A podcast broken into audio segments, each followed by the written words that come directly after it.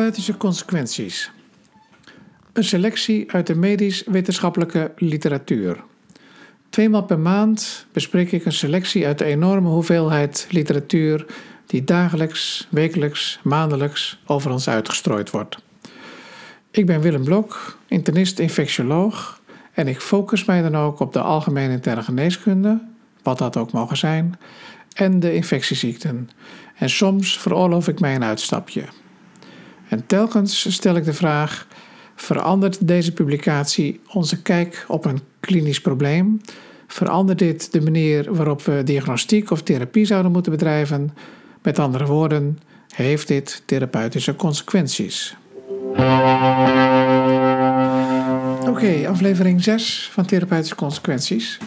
Het is vandaag 5 januari 2020 en we gaan het hebben over telomeerlengte bij eerstejaars AIOS, over oseltamivir bij influenza, rifampicine bij diabetische voet en therapeutic drug monitoring bij beta-lactam antibiotica.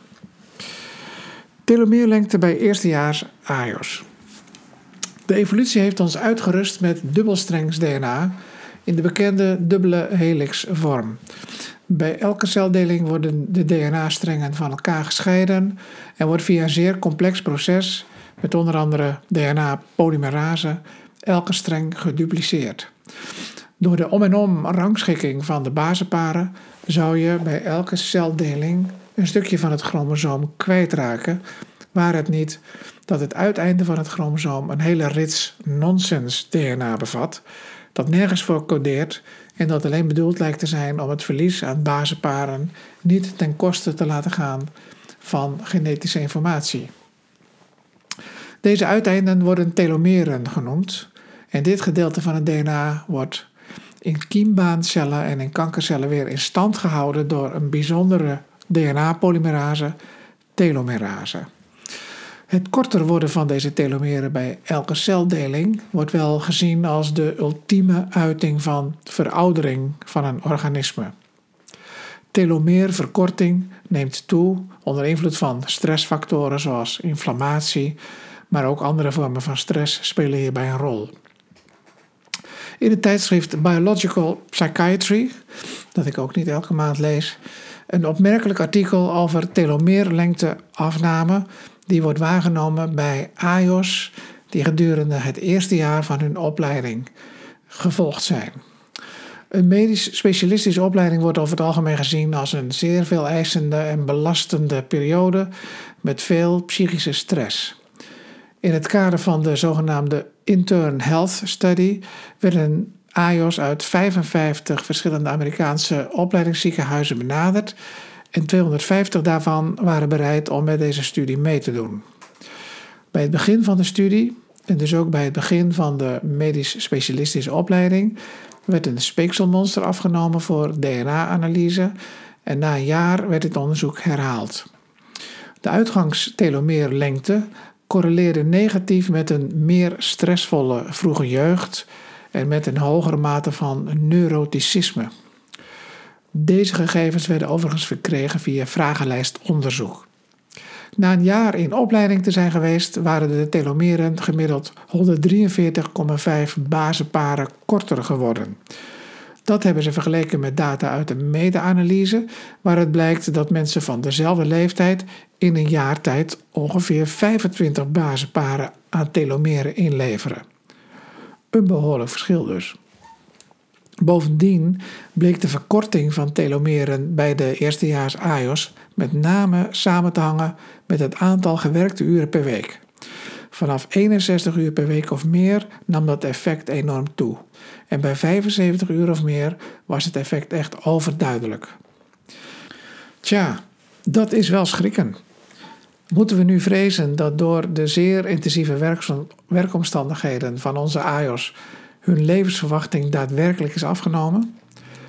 Misschien zijn de omstandigheden in de Verenigde Staten niet helemaal vergelijkbaar met de Nederlandse omstandigheden, waar we al sinds jaren een werktijdenbesluit hebben, maar waar onze AIOS ook wel heel vaak weer overheen gaan.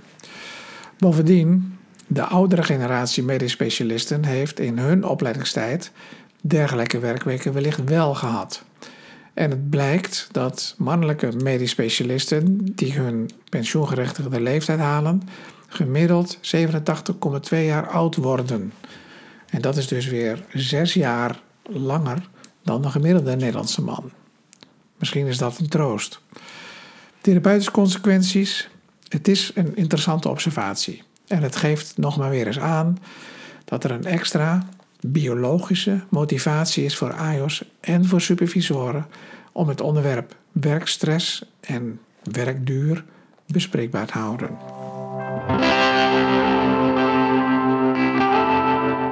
De vraag of oseltamivir nu echt effectief is bij influenza hangt al jaren boven de markt. Luc Bonneux, epidemioloog en tot voor kort prominent columnist in Medisch Contact, heeft zich altijd zeer kritisch uitgeladen over de trials die moesten aantonen dat oseltamivir effectief is. Hij vindt het methodologisch slecht uitgevoerd onderzoek, vrijwel steeds door de fabrikant gesponsord en met dikwijls een foutieve interpretatie van de data. Dat heeft richtlijncommissies er niet van weerhouden om het middel wel te adviseren. Met name bij kwetsbare patiënten zoals ouderen en bij voorkeur binnen 48 uur na het ontstaan van de klachten. In 2015 verschenen er twee meta-analyses van door de fabrikant gesponsorde placebo-gecontroleerde onderzoeken. Eén meta-analyse concludeerde dat oseltamivir leidt tot een significante afname van de ziekteduur met 17,8 uur. Maar een Cochrane review van dezelfde trials was het daar weer niet mee eens en concludeerde tot geen effect. Tja, wat moet je dan als simpele klinicus? Ik riep steeds dat we het eigenlijk niet wisten en dat, als er al een effect was, dit waarschijnlijk toch heel gering was. Nu is er in de Lancet een nieuwe trial verschenen. Niet door de fabrikant gesponsord, maar gesponsord door de Europese Unie.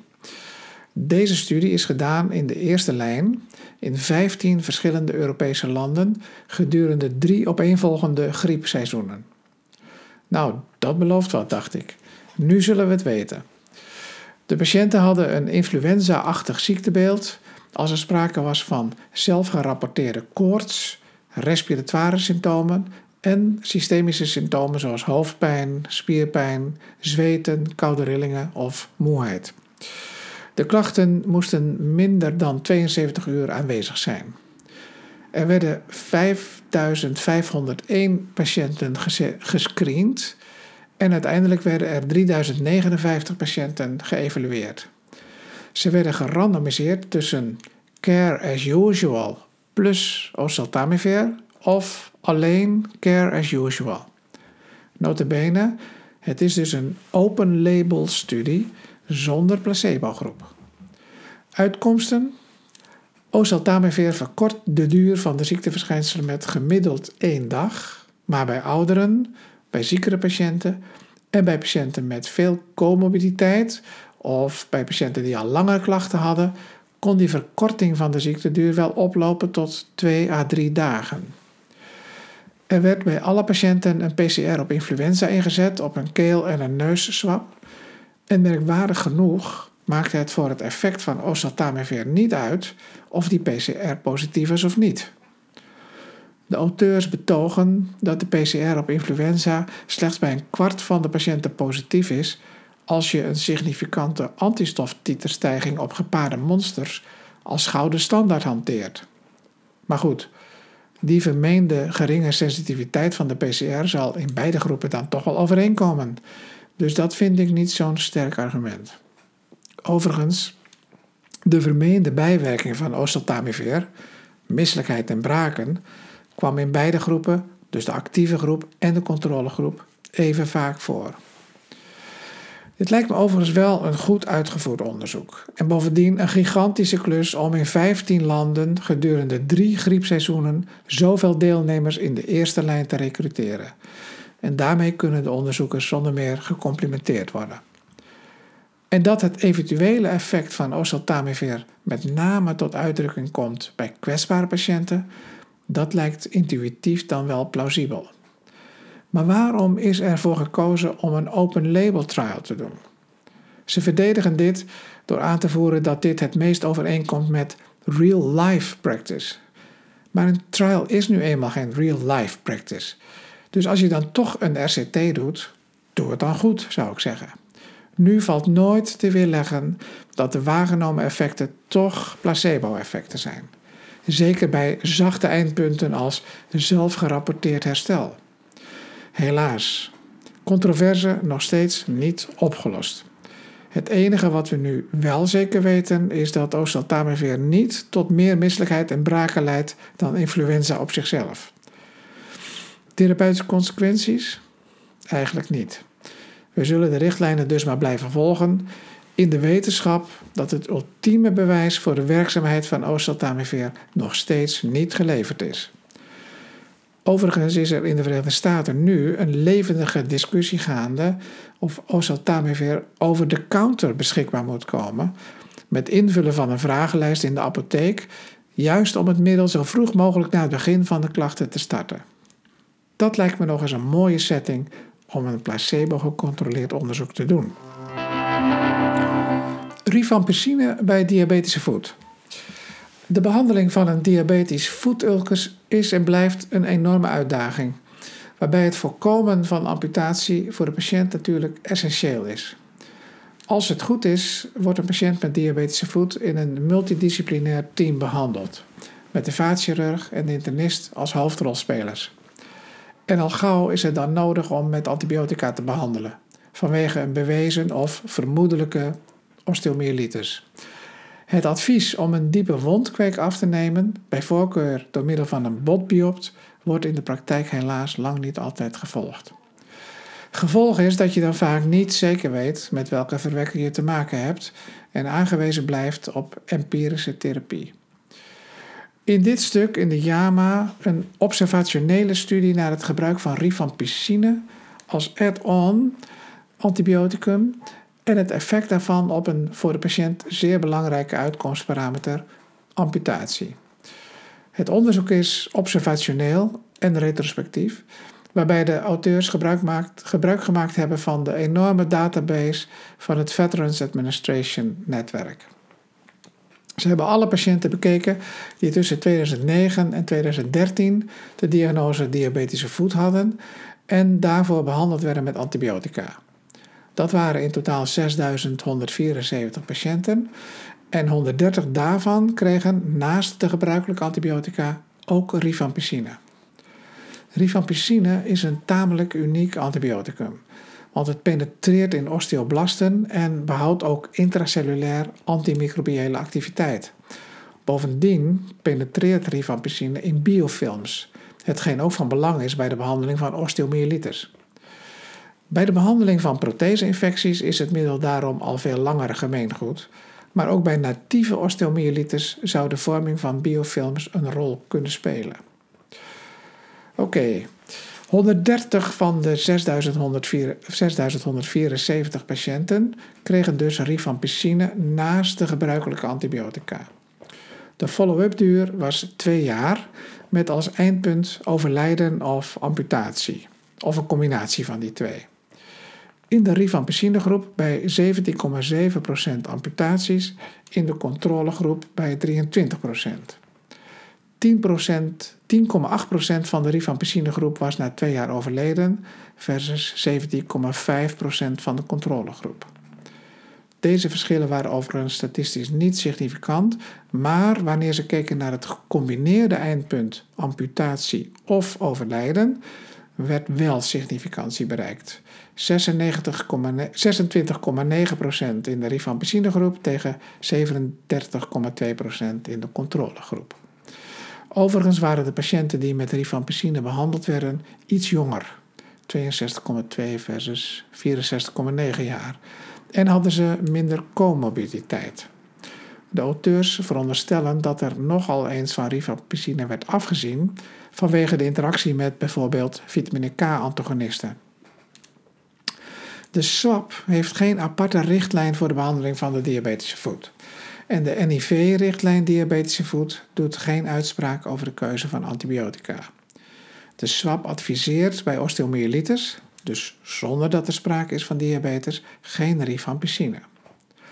Al met al, wat mij betreft, is dit wel een interessante observatie En ik begrijp dat er nu in de Verenigde Staten een RCT van start is gegaan naar het effect van het toevoegen van rifampicine aan de gebruikelijke antibiotica bij diabetische voet. We houden het in de gaten.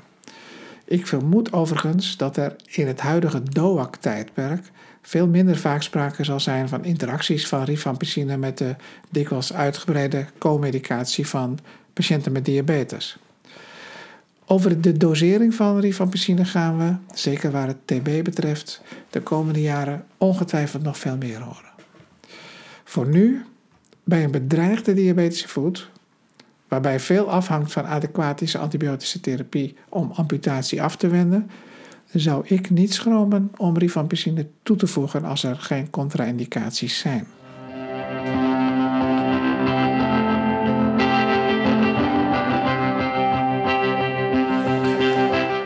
Continue infusie van beta-lactam antibiotica. Uit in vitro onderzoek en uit dierexperimenteel onderzoek is al lang bekend dat het effect van beta-lactam antibiotica sterk afhangt van de tijd waarin de concentratie van het antibioticum boven de MIC van het micro-organisme is.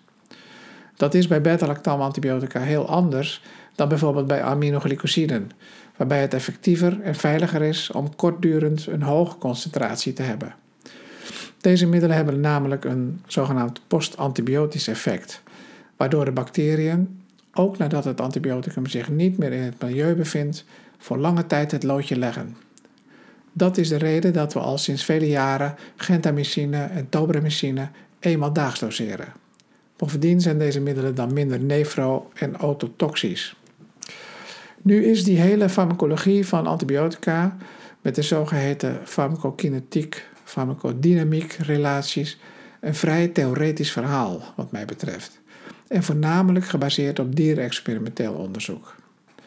In de Journal of Antimicrobial Chemotherapy een stuk vanuit een tweetal IC's, één in Brussel en één in Brisbane, Australië.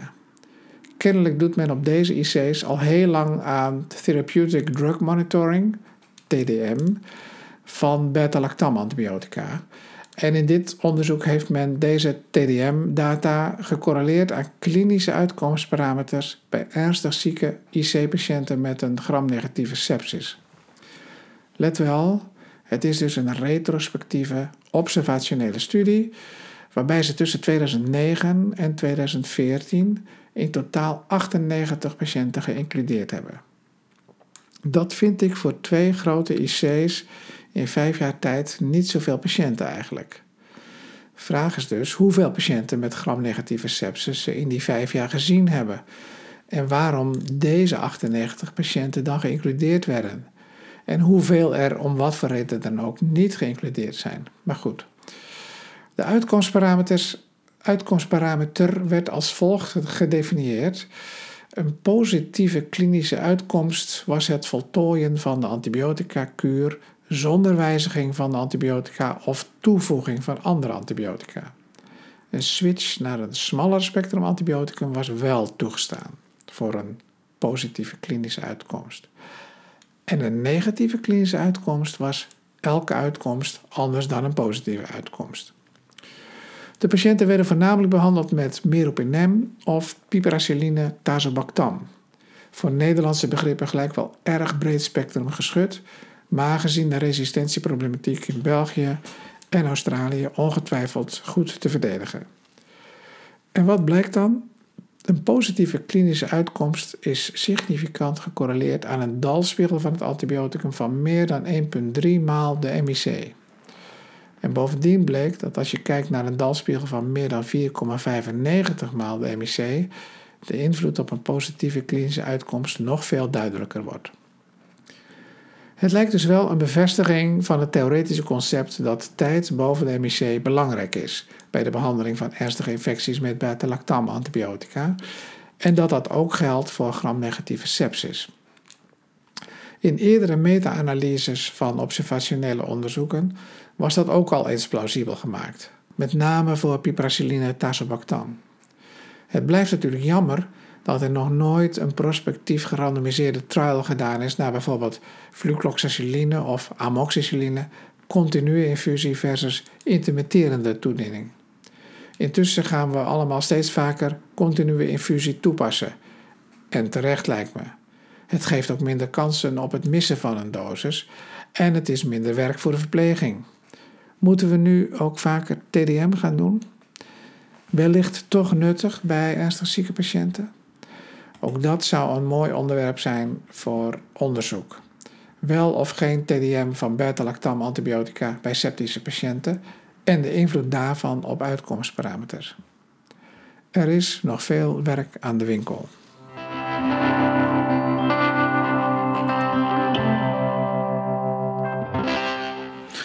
Dit was een eh, kleine greep uit de literatuur. Voor referenties ga naar www.therapeutischeconsequenties.nl.